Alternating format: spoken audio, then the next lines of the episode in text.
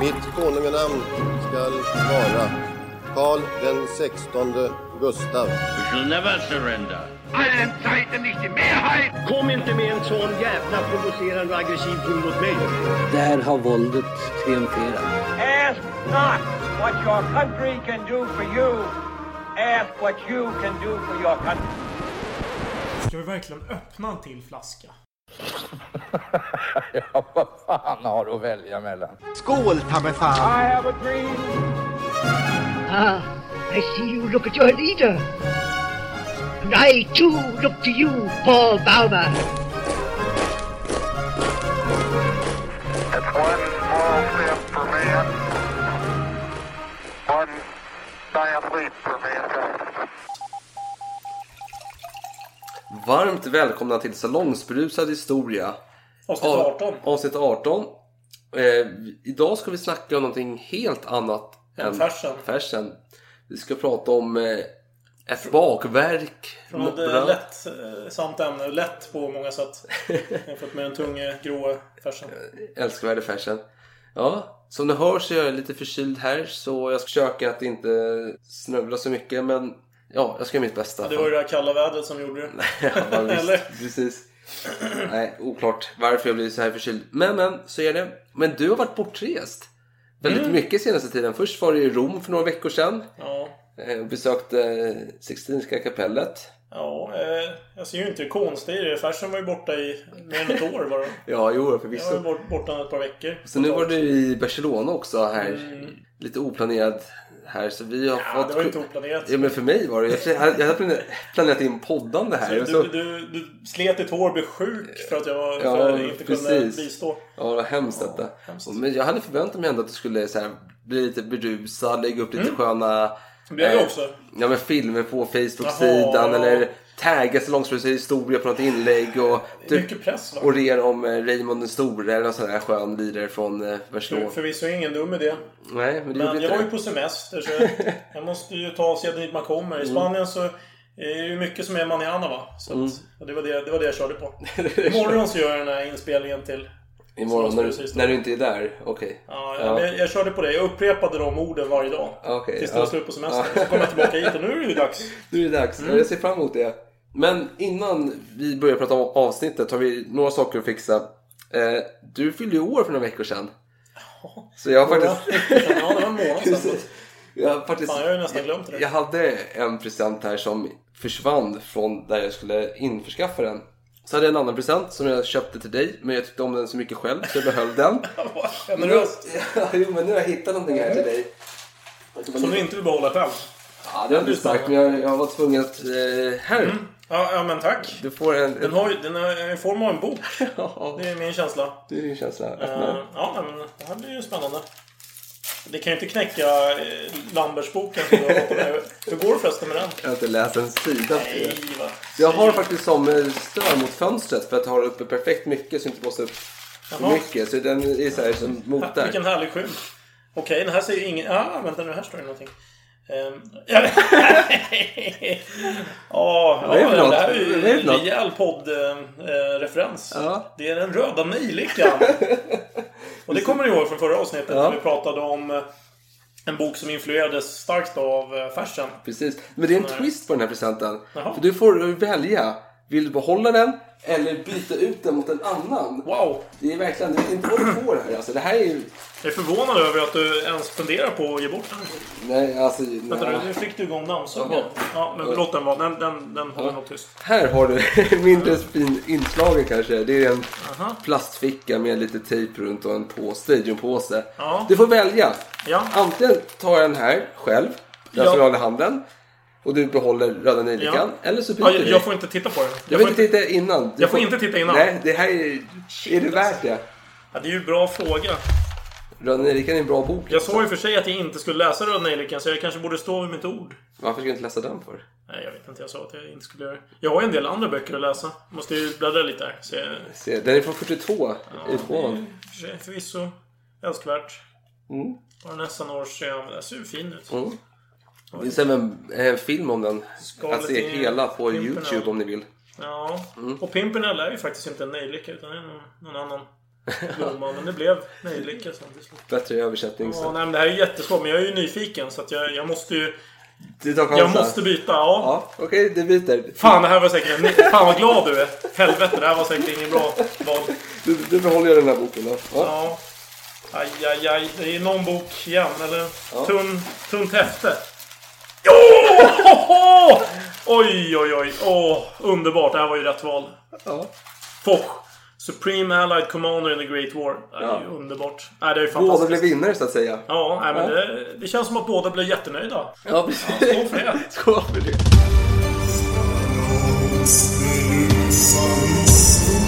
Ja,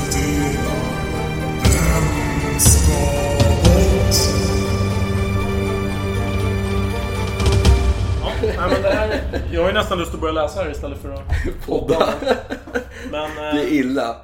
ja, ni får köra. Och nu är det dags för leken då. Det är väl min tur att leka, jag för mig. Mm. Jag hoppas att Det det är det, för jag har ja, nej, precis. Det är din tur att svara. Mm. Och alla kan reglerna vid det här laget, så det är inga, vi behöver inte dra igenom dem. Nej. Nej, okej. Nu har jag inte jag de nedskrivna alternativen, så jag får köra från huvudet av minnet. Eh, först ut har vi Gustav den andra Adolf. Mm. Mm. Lejonet från Norden. Ja, sen har vi Oscar den andre.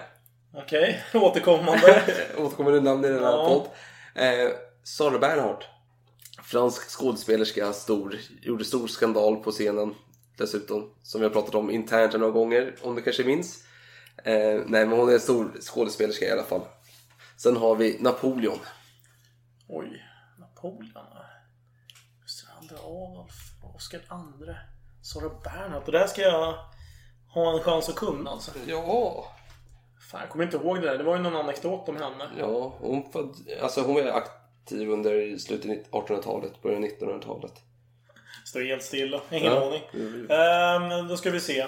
Sen Adolf. Jag försöker hitta några andra kopplingar då. Mm. Oscar II. Han kan inte ha någon kroppsbehåring. Det vore alldeles för lätt. Ehm, Napoleon. Vad har de gemensamt? Oscar II. Gustav Adolf. Du har ju militärer och sen har du ju Sara Bernhardt. Ja. Mm, ja, men jag får väl bara säga någonting. Så jag får väl säga... Jag säger Napoleon då. Rätt! Okej. Nu ska jag gissa. ja, det var ju schysst att jag gissade rätt. Ja. Jag har ingen aning om varför men... ehm, fan, det här det känns ju som att om jag bara kommer på anekdoten där om Sara Bernhardt som är värd att minnas. Så kommer jag nog på hela gåtan.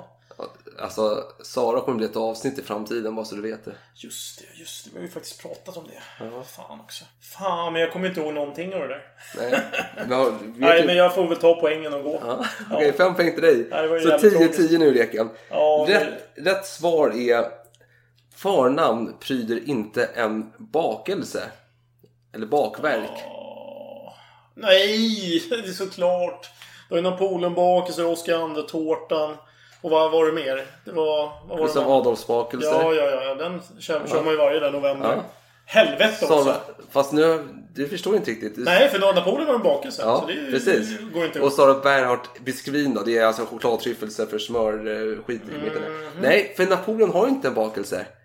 Namnet från bakelsen kommer inte från Napoleon utan det är troligtvis från napoleansk eh, området. Då. Det, det är franska för det. fan, det börjar nämns... det bli långsökt. Nej men det var långsökt. Så- så det var- Napoleon nämns inte. Napoleon har ju en... Så man ska veta att det är rätt bak. Alla har bakelser. Men så ska man tänka att ja, men det är ju egentligen inte... Ja, men det, hans namn har ingenting med bakelsen att göra. Nej, men den råkar ju heta det ändå. Ja men det är för napo, napolitansk, vad fan säger man? Oh, fast- Napoleansk. Men jag har ju sett tårtor där man dekorerat den med Napoleon själv. Fast det är för att man är korkad inte. Ja, ja, jag ja, tror visst. att det är en jo, koppling. absolut. Men då har det blivit så. Ja fast det stämmer. Napoleon har ju den här Bigarråa uh, körsbäret. Men det är ingen bakelse utan det är bara ett körsbär. Ja, ja, vi ska inte käbbla mer. Jag får se mig besegrad. Och Vad fan säger man? Napoli, napolitansk? napolitansk. Napolitansk säger man, tack. Mm. Ja. ja men nu ska vi gå till avsnitt i alla fall. får vi göra. Så får jag svälja stoltheten här och gråta lite.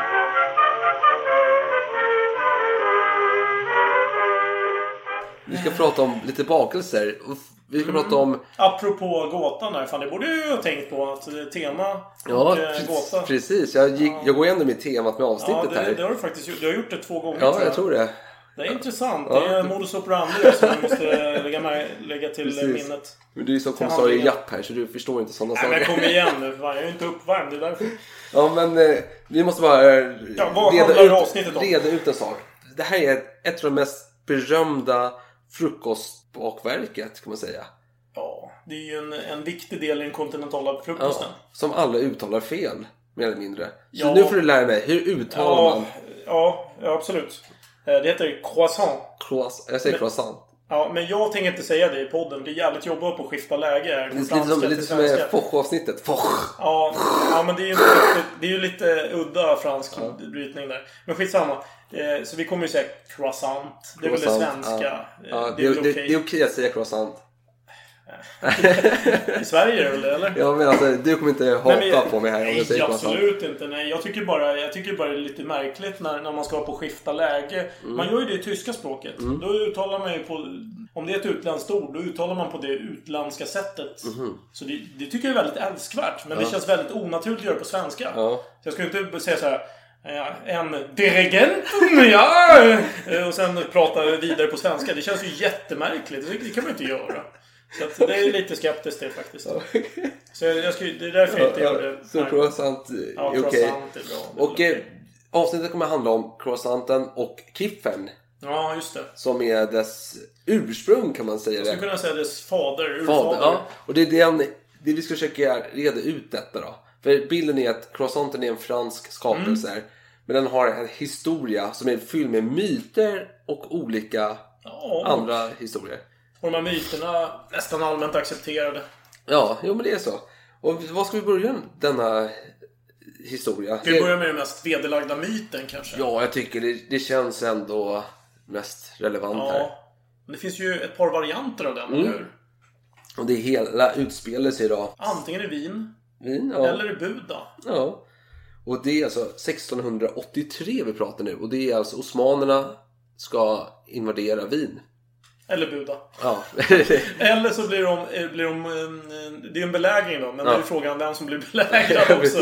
Vilket är helt vansinnigt. ja nej, men Krångligt. vi tar Wien för det är där historien Ja, kommer ifrån. right. 1683. Och osmanerna kommer. De kommer på natten. De ska gräva tunnlar under muren. Och spränga skiten. Det är en historia i alla fall. Precis. Men vilka uppe mitt i natten? Så okristna tider. Det måste ju vara bagare. Det är bagarna. Så de hör ju det här ljudet. Det klankande ljudet från folk som sitter och gräver tunnlar. Ja. Jo, så de hör de här spadtagen då, Mm. uppenbarligen. Och eh, informerar då eh, rätt auktoriteter då. Ja. Som eh, helt enkelt... Eh, ja, de, de eh, lyckas eh, stå emot den här attacken. Ja. Helt enkelt. De, de, alltså de är förberedda tack vare bagarna. Så, Ja, så de kan ju stå emot. Och sen då efter, efteråt då, när det här är över. Då ska de här bagarna belönas för sin eh, insats. Ja. Och då får de ensamrätt på att sälja de här äh, bakelserna som man då har sagt att jo, men för att fira den här segern så ska vi ju håna våra fiender. För de har ju de här halvmåneflaggorna. Och eh, ja, då ska vi ha halvmåneformade bakelser. Precis. Så de blev, och då sägs det att de här bagarna blev rika och nöjda över Ja. det hela. Tjänar jättemycket pengar för folk älskade ju Mm. köpa de här bakelserna. Fast problemet är att detta nämns ju bara i mathistoriska sammanhang. Det finns inga andra historiska källor som nämner att bagarna varnade. Vilket det borde rimligtvis vara en ganska stor grej att berätta om. Alltså det kan man ju tycka. Och rent tekniskt eh, så jag för mig att det, det krävs att de här spadtagen tas typ eh, ett par decimeter ifrån ba- bagarna för att det överhuvudtaget ska höras. Ja, nu har jag inte riktigt koll på Wiens geografi här men jag får mig jag har hört någonstans att, för det finns en historia om en bagare som heter Peter Windler och hans fru som hade ett bageri på Gruvengedgasse och 841 i Wien. Ja. Och jag får mig, jag kan ha fel här, men att det var ganska nära muren, den här gatan. Mhm. Så rent, ja jag vet inte om det ens är möjligt om man hör. Alltså, Men, men, men även om det nu skulle vara sant Ja. och att det här verkligen hände. Då kan man ju fråga sig. Det som den här bakelserna gjordes, var det verkligen croissanter? Vad är det som utgör en croissant? Vi kommer gå in lite mer på ja, jo, den men, diskussionen. jo, men, Men jag så- skulle hävda att det inte är det. Det skulle inte kunna vara det. Nej, men jag tänker så här, när Peter Windler, det är han som i en källa uppges ha kommit på idén att göra den här formen då. Ja. Problemet är att han dog ju 1680, tre år innan detta skedde. Ah. Så det är också, men det finns olika saker om detta. Mm. Ska vi börja vår historia? Gå tillbaka lite grann i tiden här till antiken. Ja, Och, eh, och ja, vad var det som fanns då? Jo men det fanns ju månformade bakelser då. Precis. Till olika gudar och naturen. Ja, var det en croissant? Jag skulle säga nej. Nej, formen är dock välbekant. Och sen har vi även i, Så formen är ju i klassisk. Bibeln, Jeremia Precis. eh, 8, vers 18. Så skriver han så här. Eller skriver, skrivs det så här. Barnen samlade tillhopa ved. Fäderna tände upp eld och kvinnorna knådade Knåda deg. deg. Allt för att baka offerkakor åt himmelens drottning. Mm, precis. Och vem syftar man på? Jo, mångudinnan. Meleket. Ja, som nämns i den tyska varianten. Den här, vår översättning var från den svenska 1917 års variant då. Men i Tyskland så är man mer specifik då. Ja, och så har vi på 800-talet i Schweiz, i ett kloster har man hittat recept på en panis lunatus. Och det är alltså ett halvmånformigt bröd. Och då skriver man så här tillägget. Den är känd i olika delar i Schweiz under namnet Giffel. Och det här är intressant. För Giffel, när jag var liten, så gick, när jag fyllde år, man hade så idrottsdag och man skulle ha så matsäck med sig. Sprang alltid morsan ut tidigt på morgonen till bageriet som låg bredvid. Brukebergs bageri. Då kom jag hem med det mest gudomliga bröd som fanns. Som var halvmånformat som hette Giffel. Eller Giffel. Giffel, alltså vanlig Ja. giffel. Klassisk. Ja, ja. Och det var alltså ett matbröd. Väldigt fluffig deg. Väldigt lite sött men ändå matigt. Och alltså det här är, jag, nu snackar jag änglar alltså. Det här är gjort utav änglar. Det mest gudomliga brödet du kan tänka dig i hela Men det var inte världen. smördeg då, eller? Nej, Nej. det var fluffigt matbröd. Alltså inte som en sån här croissant, så här Nej, men- och jävligt. Utan det här var riktigt Det gott. är jävligt. Nu tar du i för mycket. Nej, men alltså, så det är kul för... Vi Men det är gjort på mjöl i alla fall. Ja, finaste Den den här mjöl. pan, nu pratar vi tillbaka här till 800-talet här. Det var gjort på finaste mjöl. Det var viktigt. Det skulle ätas på konvent och gärna på fastan. På kvällen då. Precis. Om vi, det här är alltså 800-talet. Men hoppar vi Mm. fram eh, 400 år. Då har vi ju Leopold den sjätte huset Babbenberg i Österrike. Men Vänta nu, vilket år pratar du om? För jag har lite... 1227. Ja men det gör jag också. Ja, precis. Ja, ja, ja. Men det är, ja, vin ja. Ja, för det. har han fått utav österrikiska bagare en chiffen till jul. Just De har det. bakat. En tidigare variant av Kipfel. Ja, för om. är alltså ordet som på svenska översättningen är giffel. Just det. Så där har vi kopplingen där då. Det som är lite rörigt i sammanhanget är att giffel, det har ingen jättetydlig definition. Det kan innehålla lite allt möjligt. Ja, det, alltså det sträcker sig från eh, söt bakverk till matbröd. Och jag har till exempel, jag fick ju utav min bror och hans fru som min bor i Tyskland. Fick jag kiffel i, under hösten här. Och då var det små söta eh, kakor, hårda kakor. Så det, den har ju den här... Men, men, men en egenskap som man ändå kan säga att en giffel har, det är att den är ojäst. Alltså till skillnad från eh, eh, croissanten då. Som är en jäs, ett jäst bakverk. Det vet jag faktiskt ingenting om. Jag har inte gått in på... Ja, ja, skitsamma. Fast jag har giffeln jag åt var jäst. Men jag kan Men, men, men för att citera då, från 1227 så finns det ett rim i verket Fürstenbuch av eh, diktaren eh, Jans Enikel. Någon gång från eh, 1200-talet. Så, så ja, det är inte 1227 med, nödvändigtvis då. Då står det så här. Då brachten um die Pecken, Schipfen und weiße Flecken, weiße dann ein Hermelein. Okej. Eh, så att eh, ni som kan tyska kan försöka översätta det. där. Eh, jag tänker inte försöka, men eh, nämn ju ändå chipfen och eh, vita fläckar. Okej, ja. så ja. det, det sägs då att det här har någon slags referens till croissant. Precis. Men ja. hoppar vi fram några hundra år till då, 400 år till, så hamnar vi i Men sist- vänta, jag vill stoppa dig Jaha. lite grann. För det finns mer saker på 1200-talet. Okej, kör. Du har ju fillodegen. Ja. Eh, som bland annat finns i baklavan. Det, är ju, det har ju då dokumenterats för första gången då. I och med att det är skiktad deg så är det ändå en slags föregångare till smördegen som senare kommer spela en väldigt viktig roll i Ja, croissantens ja, historia. jo. Det är det enda jag har att säga. Vi kan hoppa vidare Ja. 400 år. Ja, men vi hoppar fram då, 400 år. Ja, till 1607. Okej, jag kör. Då nämns smördegen första gången. Och det är en spansk receptbok. Från 1607 alltså. Eh, spansk. Har du några kommentarer? Nej, men jag tänker så här att jag pratar om halvmånformen, du pratar om alla andra saker. Men det är bra, det är bra, du kompletterar den här linjen. Alltså det halvmåneformen, den kommer ju inte förändras. Månen ser ju likadan ut Nej, för men jag 400 tänker, år jo, sedan. men jag tänker, alltså, för vi nämnde den här myten Mm. om vin. Och det jag försökte bevisa det är ändå att halvmånsformen har funnits med i brödform Ja. sedan antiken. Alltså Ja. säkert sedan urminnes tider sedan brödet kom till har det funnits med. Mm, Det det är bra att, men, men det är bra att du lägger till andra också. Nej, jag, jag, jag Men- försöker mest komplettera. I och med att vi hoppar framåt i historien så vill jag ändå Ja. nämna saker som ändå är relevant. Så hoppar jag fram 23 år då, till 1630. Ja. Och då finns det nedskrivet hos Wiens medicinska fakulteter att de har skrivit om Kiffer. Så där bör det Ja. nämnas i de skrifterna då. Och, och det här är ju då viktigt att nämna att det här är ju faktiskt innan myten tar vid om eh, Precis. Croissantens historia. Ja, här är vi 50 Eh, alltså år det- innan. Före belägringen då. Ja, precis. 1683 sa vi det. Och sen har vi också 1652, hoppa fram lite till. Då söks det patent för kiffen. Och det är Abraham av Santa Clara som skriver om detta. Och det är raka, de kan vara korta, de kan vara böjda, de kan vara långa. De har olika former. Det kan vara vad som helst. Alltså. Ja, men man tar patent på det. Vilken jävla standard alltså. Du får göra precis vad du vill. Och är- då följer du ur standarden. Okej, intressant. Om du hoppar ett år framåt då. Mm. Då nämns eh, smördeg för första gången. I en fransk receptbok. Så de är efter som vanligt alltså. Eh, 40-50 Ja, men de, de avvaktar. De ser, är det här en bra grej? Är det en dålig grej? Det är François Pierre Lavarenne som skrev en receptbok. Ja, Eh, jag tycker ändå det är viktigt i sammanhanget i och med att man brukar säga att croissanten är uppfunnen i Frankrike. Ja. kan vara bra att veta då att smördegen fanns faktiskt sedan tidigare då, som jag redan nämnde 1607 där då i receptboken. Och det tror man kanske kan ha influerats av den här eh, islamska invasionen då. Att, att, att man har fått det därifrån på något ja sätt. okej. För om vi hoppar fram 100 år till 1700-talet. Mm. Där har vi Trieste i Italien då, som då tillhör Österrike. Där skapades en standard för deras, En till standard. för deras produktion då, om kiffen. Ja. Och i Italien fanns det två liknande bakverk. En, eh, det får hjälpa med uttalet här. Schifele, Vad schifele. skulle jag kunna italienska? Men jag du är ju väldigt bra på språk så. Eller? Nej, jag har ingen Ja, aning. Schifele eller schifele. Och den andra heter cornett. Och det roliga är att croissant i vissa områden i Italien Mm. heter cornetto. Ah, I nutid. Vad jag har hört om italienska croissanter, bara för att köra en avstickare, Mm. så ska de vara lite mjukare. De är inte lika krispiga som de här franska. Så det sägs... de- Kiffen? Ah, nej, nej, den här chiff... Eh. Ja, okej, Cornett. okej, okej. Eh, det var jag läst mig till. Jag kan ha helt fel. Ni får, som lyssnare får Ja. ni gärna kommentera. Om ni har provat dem där och inte håller med. Så nu har vi alltså kommit ändå en ganska lång bit Ja, innan och efter eh, Ja, vi myten. börjar närma oss eh, en av de andra myterna. Men eh, vi har passerat den första myten. Ja, jag vill bara nämna att Ja. Mm. du nämnde att det var antingen vin eller Buddha. Det finns en annan variant för det också.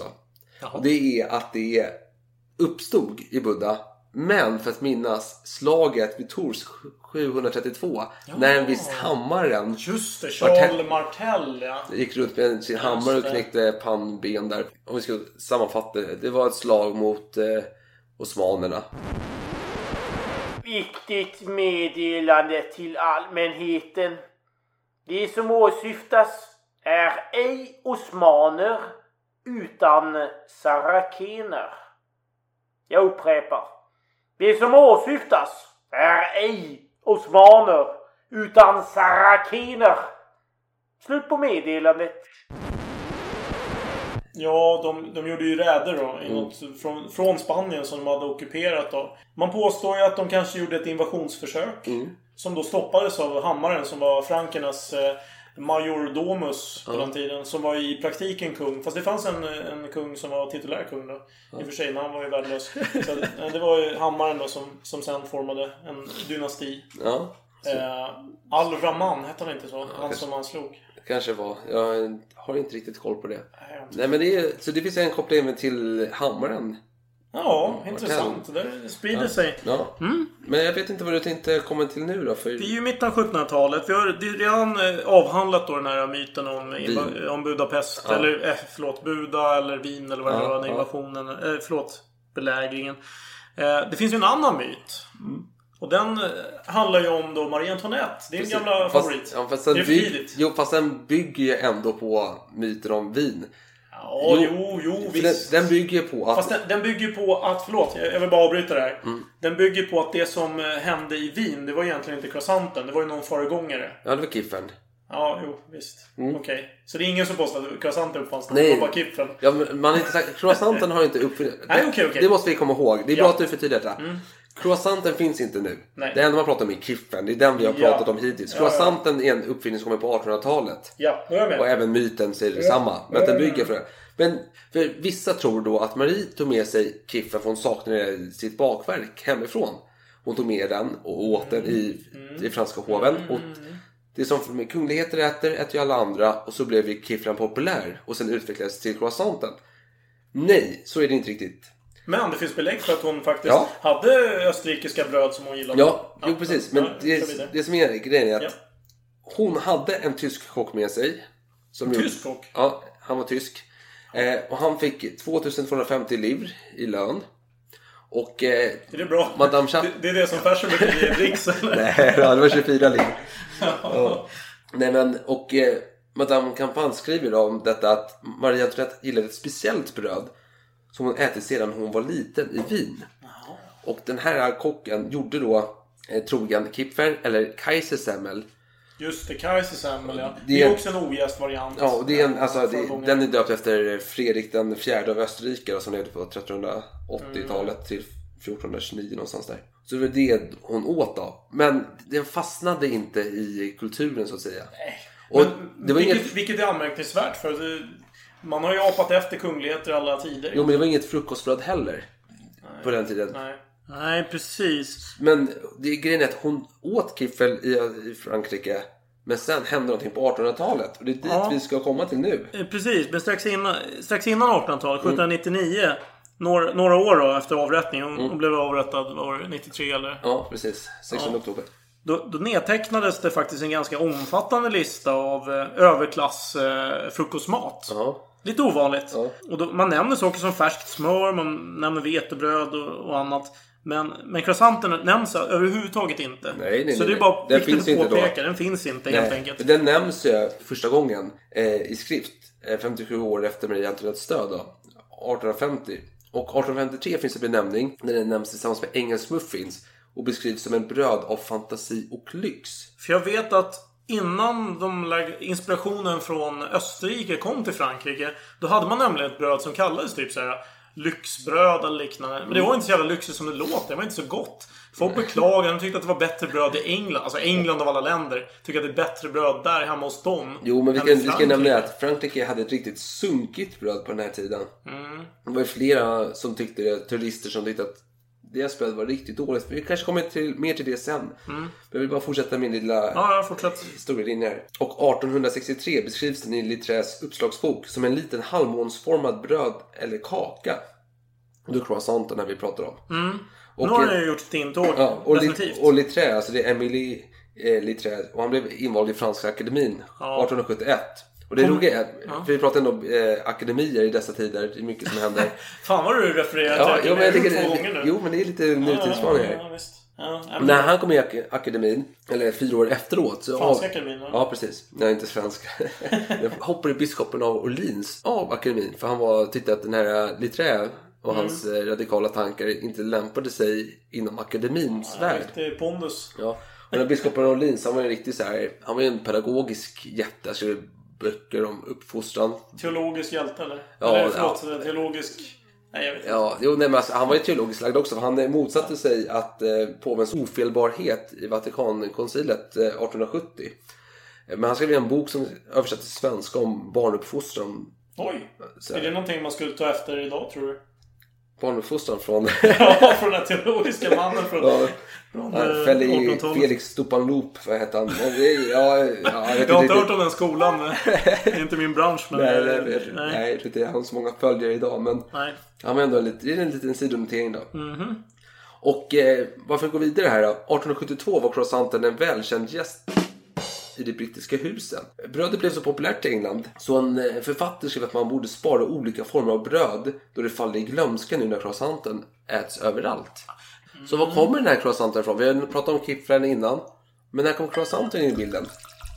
Jo, svaret sitter just August Sang och hans eh, bageri. Boulangerie Genoise. Boulangerie Genoise. Som han Ja, startade. precis. det är lite oklart faktiskt. Exakt när, det- när han startade det. men skit- skit skit när han i det. startade. Ja, ja, det är okej. Han, det är Vem är alltså det? ba- Vem är den här mannen? bageri Wien, ja, mer eller mindre. Svenska översättning. Uh, Vinska bageriet. Ja, ja.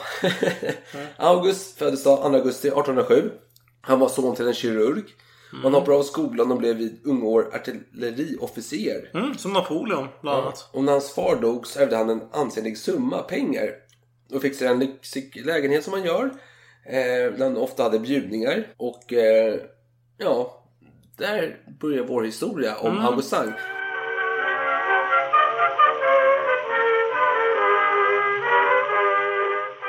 För då är det så här, vid 30 års ålder lämnar han Wien för att flytta till Paris och öppna ett bageri.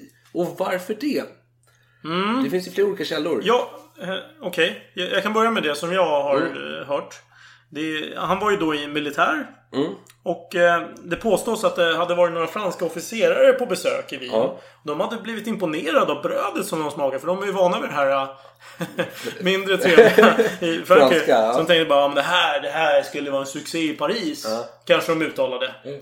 Och då hade han snappat upp det här då, sägs det. Och bara, ja men titta här har vi en affärsmöjlighet för Sang. Han är ju mångsysslare. Mm. Vi kommer komma in lite mer på vad han kommer göra framöver. Men han gör jobbar med allt. Men han är ju entreprenör. Det Ja. kan man väl lugnt Det säga. kan man säga. Och mina källor säger ungefär samma sak fast han hade bjudningar hemma hos sig. Och då kom det hem folk eh, från Paris då och tyckte att hans bröd var fantastiskt gott. Mm. En annan version. Får jag Ja, säga? ja, ja. Det är att han eh, hade varit i Paris. Och varit så besviken på brödet där. Precis. Som han tyckte var smaklöst. Så bara, fan. Här kan Ja. man göra något bättre. Ja, för det kan säga att vanligaste brödet i Paris var surdegsbröd och lantbröd då. Men det är ju populärt. Och det, det sägs att, att även det lyxigaste franska brödet var långt efter i kvalitet Mm. till österrikiska och engelska brödet. Det är ju faktiskt ganska tragiskt att det är så. Men eh, det var så. och sen en annan källa säger samma sak att han hade folk hemma hos sig. Men de lägger till att han anlitade bara personal när han väl öppnade sitt bageri i Paris på ett år. Vilket gjorde att den här personalen tog med sig sina kunskaper till andra arbetsgivare Mm. och spred då. Ja, just det. Så att det blev som en, ett virus. Precis. När det här första ba- bageriet blev så populärt. Det var ju de här som hade jobbat i det bageriet. De var ju högvilt liksom. Det Mm. var perfekt att anlita. Sprida de här härliga bakelserna. Kan man tro, men så enkelt är det inte. Nej. För jag kommer till det nu. För Sang, han är som sagt, han tillskrivs ibland för att vara bagare. Men han var inte bagare. Han Nej, rörde nej. knappast degen själv. Gud. Men han åkte tillbaka till eh, Wien för att eh, ta reda på hur bageribranschen fungerar, hur den är uppbyggd. Och hur man använder deras ugnar, för det var viktigt. Och jag har lite bakgrundshistoria. Är det lämpligt att nämna att eh, fram till dess så var man väldigt mycket beroende av eh, restprodukter från eh, bryggeri egentligen. Ja, bryggerijäst. Bryggeri, ja exakt. Precis. Bryggerijäst. Men, men eh, precis där kring eh, mitten av 1800-talet. Då hade de här vinarna, österrikarna, Ja. hittat på en ny metod då, som handlar om eh, ånga, ång... Ång, ugn. Steam eh, Ja. oven Ja. historia. Ja. Och det var ju ett sätt att liksom eh, minska beroendet till ölbryggeri. Mm. Och Bryggeriet. de hade väl ändå en finare gäst också, inte bara bryggerijästen.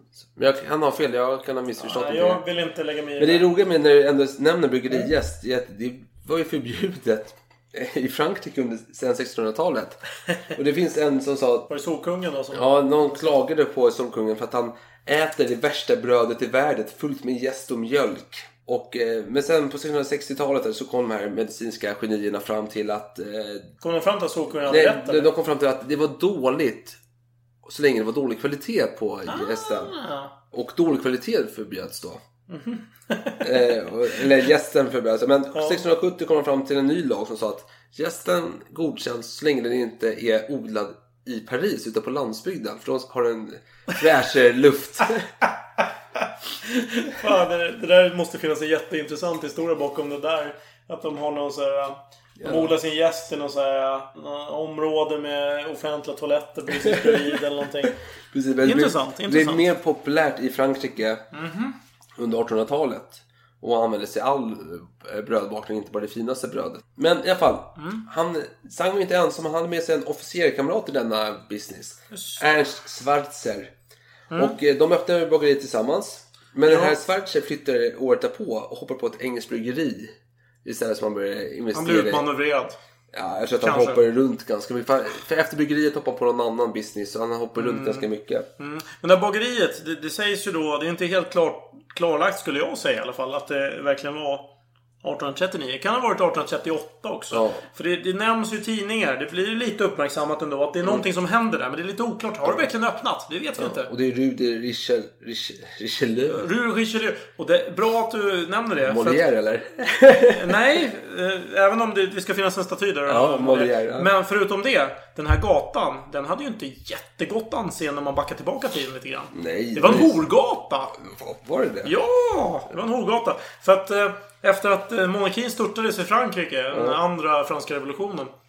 Då, då Då blev de här prostituerade hemlösa. Så de förpassades bort från slottet. Och var skulle de hänga då? Jo men då var det ju... då- Men kan väl kanske nämna hur såg Frankrike ut under denna tid?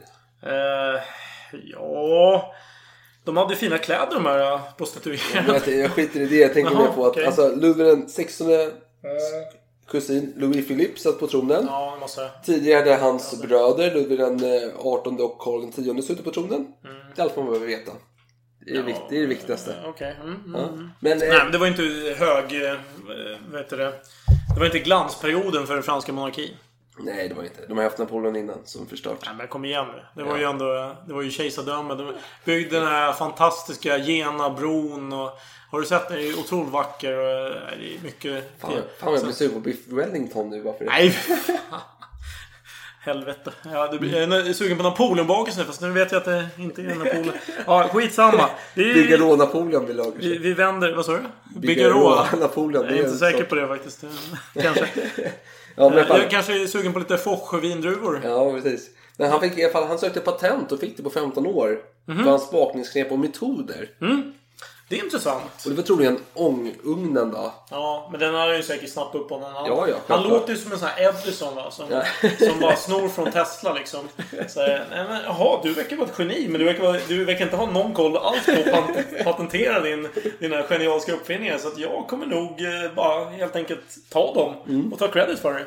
Så jag känner att den här Sang nästan är en sån person. Ja, och han slog igenom ganska hårt i Paris också. För ganska snabbt så började massa österrikiska bagerier Mm. Slå upp i Paris. Ja.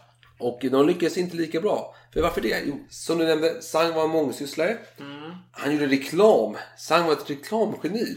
Jaha. På Och 1800-talet. en av hans reklam löd så här. Nytt bröd. Ny form. Endast maskingjort. Knådad och formad av maskin. Ångkokt. Maskin, ska det vara Och bra? de perfekta formade bröderna kom ut ur ugnen utsmyckade med texten. Nu försöker jag prata på franska. Du försöker översätta. Om Mhm. Ja, det inte okej. går så klipper vi bort det och tar bara på eh, svenska översättningen. Okej, ja. Eh, Ska jag köra realtid eller nej, har du nej, jättelångt citat? Nej, nej, det är kort. Okej. La main de, de le homme en y a pas touché. Eh, Eh, en människas hand har inte rört det. det är ju fan... Är det, det är intressant. Det här skulle aldrig funka idag. Det är ju verkligen motsatsen. Men det, det är verkligen så. Det går upp och ner. Ja, men det här är är populärt hela dagen. Ja, men det, det är så Ja. Mm. intressant detta för nu vill vi ha en hembak, att allt ska vara gjort Ja, för hand. visst. Men då tänker man, hur såg det ut på den här tiden? En fransk skrift från 1800-talet beskriver bagaren så här. Mm. Låt mig citera. Knådaren är täckt med svett och nästan naken lyfter han degen. Håller den mellan händerna, pressar den mot sitt bröst. Svetten mixas med degen. Och bagaren har hört att kroppens värme är nödvändigt för att utveckla arbetet med degen. En process där degen skulle knådas utan att vara utsatt för kontakt med bagarens kropp skulle erbjuda många fördelaktiga funktioner. Framförallt när det kommer till hygien. Detta har åstadkommit med diverse mekaniska knådare. Jag ju köpa de här me- mekaniska knåddegen definitivt. Mm. Efter den där eh, diskursen. nej, nej, det är Men det vidrigt. blev, så här, det blev så populärt med liknande brödformer från andra bagare. Så en reklam från 1840 så säger så här. Ägaren av Vinska bageriet varnar allmänheten för att flertal bagare i Paris har sålt bröd vars form påminner om vinlimpan. Men vars kvalitet är mycket lägre vilket i sin tur sänker värdet på produkten. Därför kommer nu alla bröd som kommer ut, ut ur vår ugn vara märkt med sang. Ah, klokt. Smart. Klokt, klokt, klokt. Ja, Och, intressant. och bara för att illustrera hur populärt detta blev med bagare i Mm. vinska bagerier. Så 1845 fanns det 250 bagare som jobbade på olika vinska bagerier i Paris då. Men eh, vad är det som gör då Sangs eh, croissanter så fantastiska? Mm. Om man jämför med det som fanns innan. Jag skulle säga framförallt just att, att det är smördeg som används. Fast han använde inte smördeg. Jo, jo. Nej. Jo, Nej. Jo. Nej. Det är inte croissanter. Om? nej, men han har ju inte smördeg. Det kommer senare. Det, kan, det är inte möjligt. Jo! Vad fan hade han då? Han hade utan smör. Smördeg kommer senare. Det är det som gör det att det går från det här vinska Ah, just det. brödet. 1900-talet ja. Ja. Shit, vad fan hade han då? då? Hur, så, hur var de? Okej, okej. Så att nu alltså, det här är alltså inte moderna croissanter som när Sang har utvecklat? Nej, nej, så är det absolut inte. Han har ju inte smördeg. Utan eh, en, en beskrivning på receptet från 1853 beskriver då Kiffler och croissanten så här. 1 kilo mjöl, 1-2 ägg, 500 gram vatten. Mm, ingen gäst. Ehm, Och slutet av 1800-talet var det 1-5 kilo mjöl, mjölk eller vatten. Då la man till mjölk då. Det som är lite förvirrande är att eh, under, under hela den här historien så det, det sker ju influenser utifrån eh, med nya tekniker och sådär. Men det är inte så att man gör ett väldigt tydligt eh, ställningstagande att nu har vi bytt här, nu har vi ändrat produkten, nu har det blivit det här istället. Nej. Utan man, man bibehåller namnen, det bara eh, så långsamt Jo. utvecklas. Jo men det är så här, Kiffen har ju under, från urminnes tider så har den haft olika form, eller i samma form men olika, alltså det har varit sötsaker, det har varit matbröd. Den, Det har, var ju stenhårt, det var lite mjukare, det var Ja. lite olika varianter. den har ju funnits i olika Det är ingen som har former. brytt sig om vad olika- det... De har väl inte behövt nedteckna exakt vad det är. Nej, men sen är det så här att eh, det finns en rolig annan historia om Sang.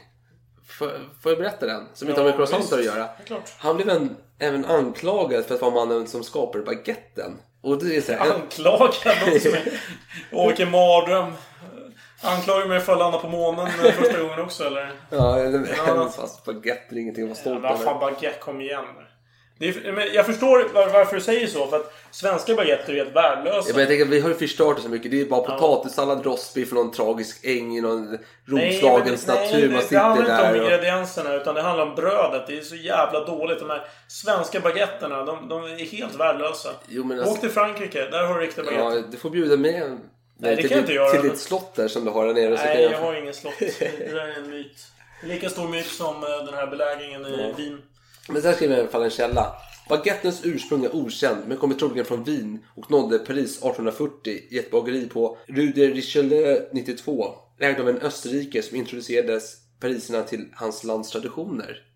Och den här gatan var ju den... Mm. Ja, det- adressen är... Det är ju Wienska bageriets Ja, adress. Den är ju legendarisk för det här laget då. Men baguetten då? Vet du var den kommer ifrån? Frankrike. Nej, det. Baguetten nämns inte i ordböcker förrän 1900-talet och dess historik är ganska okänd. Men det finns en rolig historia om eh, den. Och det är att den tillkom under Napoleons fälttåg mot Ryssland. Och de här runda bröden, Kaisersämelsformerna som var runda eh, efter kronan och sådär vidare. Just det, som en kungakrona. Mm. De tog för mycket plats i packningen. Så Napoleon efterlyste en, något bröd som kunde få plats i soldaternas byxor istället. Jag vill bara köra en sidohistoria här. Ja. Apropå Napoleon, apropå innovationer. Han, han uppmuntrade till innovation. Det var ju bland annat genom eh, honom då som man uppfann eh, konservburken egentligen. Det var ju ett sätt att liksom... eh, Så att det var han, han uppmuntrade verkligen det. Det var ju många uppfinningar som tillkom under hans period. Ja, men, men det här... jo, I alla fall, den här myten om att baguetten i benet Ja. den förklarar sig själv som orimlig. Vara för otympligt med en jävla baguette i Det beror på byxan. hur stora de är. Ja, men jag har en annan rolig sak. För det finns eh, i Frankrike, då säger man croissant med eller utan smör. Gör man? Ja, det. Nej, det jo, det gör man visst det. Ja, det lyssna, var jag menar. men, lyssna på Ja, Okej, mig. ja, ja visst. För det var under fransk-tyska kriget vi pratade om i avsnitt Ja, eh, 1870 där. sex. Eh, del... Eh, de- Del 4 är, förlåt. Avsnitt 4. Eh, då nämnde vi fransk-tyska kriget 1870-1871. Måste man ha nämnt det. Foch del 1 va? Ja, Mm, avsnitt, ja, nej, av, jag, jag avsnitt kommer inte 4. ihåg numret där. Men okej. Ja. Och då blev smör så dyrt så Napoleon III efterlyste något billigt substitut. Margarin. Margarinet vann detta. Och, och blev ett... Eh, det är det man använder i croissanter. Ja, vänta. Vänta! Ja, okej. Därav uttrycket croissant är beurre. Alltså med smör. Men det är ju inte margarin. Som... Mo- Motsatt till croissant ordinari, or, or, ordinarie. Ordinär, ja. ja, ordinär. Ja, precis. Som är gjord med margarin. Så där finns en skillnad i Frankrike. Även om du säger emot det. Okej. Men det- jag tror... jag, jag Vänta, säga- vänta nu. Ja, har gått- ja, jag får inte ens... Jag får inte ens... Nej, ja. nej, jag vill bara, jag vill bara sätta i ditt ansikte. Ja. Du har gått runt i Paris eller ditt jävla slott där vad du har i eh, Rockfort, var den ligger någonstans. och då går du runt och ätit croissant ordinarie här och att det varit med smör, så varit med margarin. Nej, ett billigt substitut. Vad jag tror är att din eh, fakta kommer från 1800-talet. Nej. Där man faktiskt hade säga, fräckheten att överhuvudtaget överväga om en margarin till croissanter. Men nej, nej, nej, nej. Jag ska till och med, jag ska till och med citera en, eh, utan att nämna en källa, ska jag säga att nu på senare tid har man sagt att smöret har gått upp i pris. Det blir jättedyrt med smör. Franska bagare, det är vad de gör. De vägrar göra croissanter med annat än smör. De har den här yrkesstoltheten. Stolthet. Ja, ja, men det finns vissa. För jag såg en dokumentär själv om absolut. croissant för några år sedan. Du sa 50% är smör. Ja. Helt rätt. Helt, som sig bör, som sig bör. Att det, Men det ju- finns uppenbarligen finns i franska... Ja, i historien så finns det säkert. Ja. Men jag tror inte... jag tror det är, om Nej, du alltså- åker i rätt område, dina herrgårdar, det är fel omgivning. Alltså du vet om du går till mer Ja, ja, slummen okej. i Paris. Jag ska, jag ska inte, jag ska inte påstå att jag vet allt om, om det där. Så det. Mm. det, det, det får vara så. Men det är väl lite som att det är väl lite som att servera semlor med um, vad är det, pumpakärnor och fan är det för skit Jaha, man- tänker så. Nej, inte pumpakärnor, men eh, aprikoskärnor va? Ja. Det kan man köra istället för mandelmassa. Ja, det är ju det är ju tabubelagt. Det gör man ju helst Nej, inte. för fan. Så det är inget som skyltar bara det här är riktig mandel. Det är ju bara pinsamt att ens behöva nämna det. Då, då antyder man ju att man tidigare kanske använde aprikoskärnor. Det var ett ganska gott vin. Mm. Vin Valoria. Art... Oj, Köpt eh, i Spanien, Barcelona. ja. Men återigen till Mm. historien. Ja. Men, nu har vi ändå nämnt den här croissanten som har fått sitt namn 1800-talets slut. Men den skiljer sig för den är inte smördeg. Nej, det är ju det, det är ju den sista, eh, vad ska man säga, sista spiken i lådan här. Sätt. Men som du nämnt har smördeg funnits länge. Det har nämnts sedan 1600-talet. 1600-talet. Minst. Och vi har den här bakelsen, croissanten då. Ja. Och när, nu kommer de här mixas. Deras vägar möts här. Och Mm. eh, den som man säger då, det är en fransk bagare som är verksam i USA som heter Sylvain Claudius Goy. Och han skrev ner ett recept på 1915-talet då. Vissa hävdar att det grundsätter tekniken då för att göra den moderna croissanten. Mhm. Och då är alltså, hans recept var 1 kilo mjöl, 250 gram smör, 15 gram jäst, 15 gram salt, 5 deciliter mjölk. Mm. Men det finns de som har forskat i detta och även funnit recept på smördegscroissanter Mhm. från 1906. Det vill säga Okej. nio, eh, det? nio år innan. Bara för att liksom täcka in vad som hände innan dess tycker jag ändå kan vara värt att göra. Eh, I och med att eh, det finns ju massa kringliggande information. Som till exempel det här med giffel har vi pratat om Ja. tidigare. Det var ju någonting som, till, som eh, dök upp i svenska språket runt 1870. Ja, giffel. Ja, giffel. Ja. Precis. Jag älskar gifflar. Okej, nu har vi avhandlat eh, 1800-talet i stort sett. Har vi inte Jag är klar faktiskt. Jag har inte så jävla mycket jag mer. har en massa mer. Jag är klar. Ah, okej. Du är redan klar alltså. Vi har ju flera århundraden kvar. Ja, Eller ett vi, i alla fall. Vi är på 1900-talet så jag vet inte. Ja, jag känner mig okej, ganska trygg här. Right. Men det har ju hänt lite grann ändå. Fan, man tänker så här. Globaliseringen. Man tänker USA. Ja. Man tänker massa sånt. Eh, då tänker jag så här. 1970-talet. Tänk dig McDonalds har ju slagit igenom. Industri. Det är ju storskaligt Ja, allting. det är fryst, färdigbakat. Ja, precis. Då, croissanten. Fan, kan man inte fuska lite med den också? Jo. Det är klart fan, man kan det. Du brukar ju köpa så här färdigfrysta från men kom igen nu. Picard. Picard. Ja, de, de är bra. De är bra, ja, men det är franskt. Jag, jag vill inte promota någon märke egentligen. Men jag, la, jag gjorde faktiskt mina egna croissanter innan dess. Men nu, de är så bra så att det är okej. Nej, fan nu börjar jag göra reklam. Förlåt. Eh, jo, men industricroissanter. Eh, då, då använder man då obakad deg. Man, Ja. man gör sånt. Ja. Det gjorde man då från och med 70-talet. Det känns som McDonalds man går från milkshake till att Ja, inte använda fusk. mjölk. Har du också sett den här dokumentären med de här bröderna McDonalds? Ja, jo, jo. Ja, fy Jo. När de försökte övertyga de här McDonalds-bröderna bara nej men det här låter ju vansinnigt dåligt. Och så är det den här uh, Croc eller vad han heter. Den här, Som man är ut den här dem. skurken som manövrerar ut de här. Han bara nej men vad fan vi fuskar som fan. Så fick slog den igenom. Kör pulver istället. Mm. Ja, det är lite skitsamma. som de här 1800-talsmännen som eh, njöt av den här fabrik... Men jag förstår dem samtidigt. Om, Ja men det är gott bag- alltså med industri. Ja, men de här bagarna Alltså, som svettiga och äckliga, det är, det är klart att det är så. Men nu har man ju modernare hygienkrav. Kontroller, ja fast samtidigt. Alright, så nu, nu har den här industrin kommit igång. Mm. Nu kör en massa fusk och så vidare och så vidare. Eh, vad är nästa innovation? Jo! Eh, nu, nu, ska, nu är hybridernas tid. Jaha. Nu ska man blanda ihop saker. Nu ska man köra ballerina med banansmak och vad fan det är. Massa sån här skit. Det börjar man göra Rams. på 80-talet här. eh, 1983. Då började introducera Burger King Croissandwich. Och eh, en eh, källa då. Ja, jag kan väl erkänna att det var Wikipedia. Eh, de, de säger att de gjorde det här för att sticka ut i konkurrensen då, med McDonalds som hade... eh, Så jag tror, de hade exakt samma frukostar i stort sett. Ja, vi hoppar fram lite grann i tiden. Eh, apropå det här med fusk då. Frusen deg och så vidare. Ja. Nu har jag en källa som påstår... Det är väldigt viktigt här att jag säger att den påstår det. För att det, det är inte belagt. Ja. Det är att 30-40% av croissanterna i franska bagerier gjorda på frusen deg. Ja. Det är ganska allvarlig anklagelse. Ska jag tycka. Ja, för det kommer ju ändå en lag, det måste man säga. Ja. För nu åter till baguetten. För Mm. baguetten kommer troligen från brödet Jacko. Som var ett avlångt bröd på den tiden. Men sen kom det en lag som sa att bagare inte fick börja innan klockan fyra på morgonen.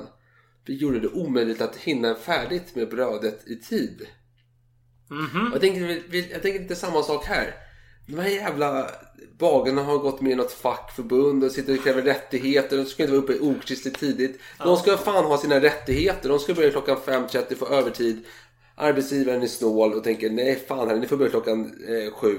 Och så hinner man inte göra klart brödet. Då tar man frusen det från dagen innan. Ja, jo, men jag köper verkligen att, att man, man tar till de metoder som finns till hands. Mm. Får man ett omöjligt problem, då löser man det med genom fusk. Det är ju så det funkar. Ja, det funkar... Jag, jag skulle säga att det är även så eh, idag i alla möjliga sammanhang.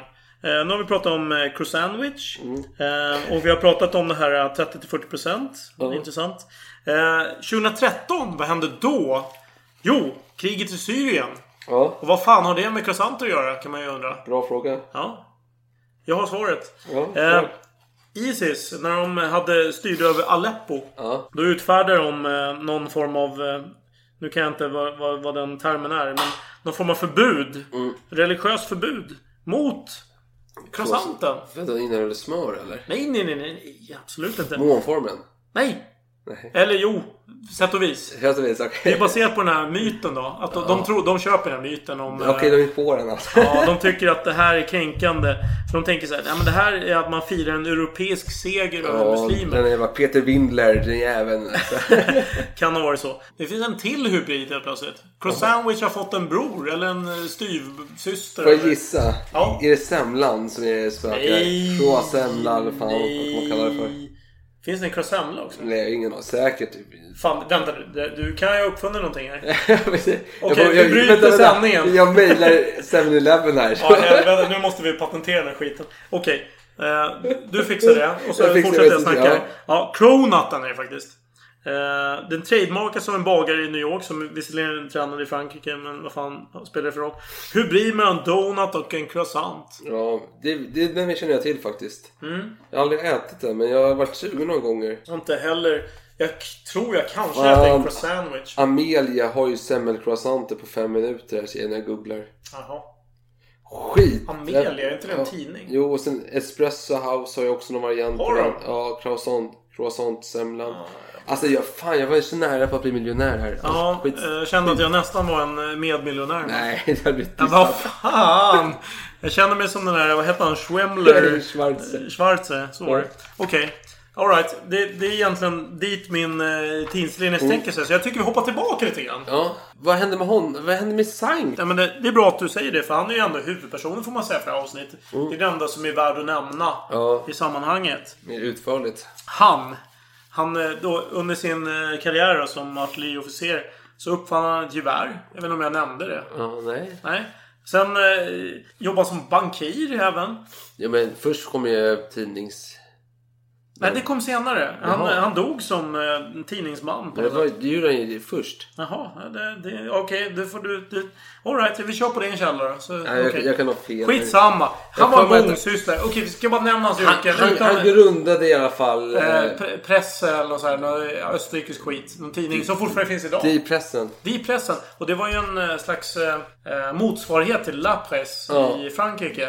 Jag tror han hade någon form av kontakt med den här... Eh, han som var pressansvarig Jo, men censuren släppte ju i Österrike. Mm, precis. Då, då återanvände han ju. Ja. Absolut. Jag har ingen riktig koll på tidslinjen här, men i olika omgångar så jobbade han som bankir också. Mm. Och gruvägare. Och i slutet av karriären så han ville ju inte ens förknippas med det här äh, bageri. Han ville Nej. inte ta credit för det här överhuvudtaget. Han kände Nej, ingen alltså, som helst ju- heder. det var ganska misslyckat enligt honom själv. Mm. Alltså det var ju inte någonting man var stolt över. Nej, men det kanske han inte hade någonting att vara stolt över. För jag har svårt att tro att han personligen kom, fram, kom, upp, eh, kom på det här med croissanten. Och han kanske inte upplevde det som något... Jo, alltså han, gjorde, han, han var ju ändå en duktig marknadsförare. Men jag tänker mig att Mm. hans företag under hans levnadstid. Så han tog ju med sig yrkeskunniga människor från Wien, tänker jag. Jo, men jag tänker att alltså, du, du skapar ett företag, det går helt okej. Bageribranschen är inte så jävla stor. Att det nämns Nej. någon eh, jävla obskyr text i någon eh, fransk uppslagsbok. Det är väl det är ingenting du tänker på. Nej, kanske Alltså, inte. För det har inte slagit igenom under hans livstid. Han dör ju åt- 1888. Exakt, det var innan den riktiga croissanten. Ja, om man nu ska vara lite sån. Ja, jo precis. Alltså, den, Ja. Mm. den omnämns i olika skrifter den är, och den är ganska populär men det är inte någonting... Så om vi ska, Wow. försöka, om vi ska Faktor. försöka summera lite grann. Det som han uppfann och det som han sålde. Det var ju inte den moderna croissanten. Fast den var populär.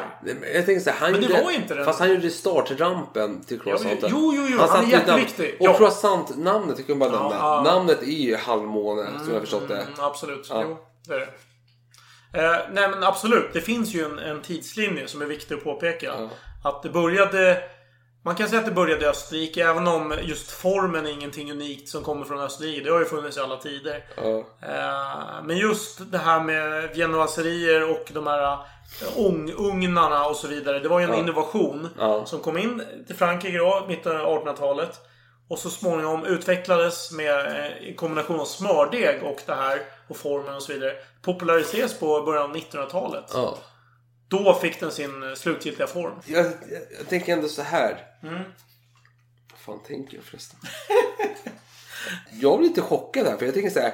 Nu förstörs hela min bild av Frankrike 1800-tal. Frankrike, man tänker Mm. på så här 1800-talet, det är baguetter, man har trevligt, äter brieost och är jävligt mysiga. Efter det första världskrigets historia här vi får in baguetter när det kommer någon så här tragisk fransk soldat som har flytt eh, skyttegravslivet och Alltså en skamfläck för landet som sitter och äter Skamfläck för baguette. landet? Vad fan snackar du om? Men alltså vi Kan man är... få ta permission, äta bröd i lugn och ro? Ska du kalla det för skamfläck? Det tycker jag är lite orättvist. Jag lägger ner mitt, mitt case. Jag är ingen Perry Mason. okej, jag okej. inser Nej, men man kan väl säga det att mycket av vår nutida uppfattning det baseras på 1900-tal. Ja. Det, det kan man väl säga ändå. ja. Kan man inte göra det? Men vi kan säga så här att det är inte så urfranskt som man kan tro. Nej, precis. Nu börjar avsnittet lida mot sitt slut.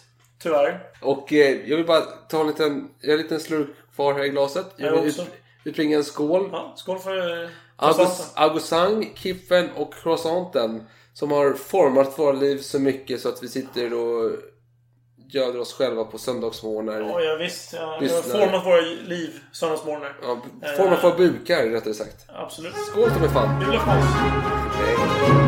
Hej.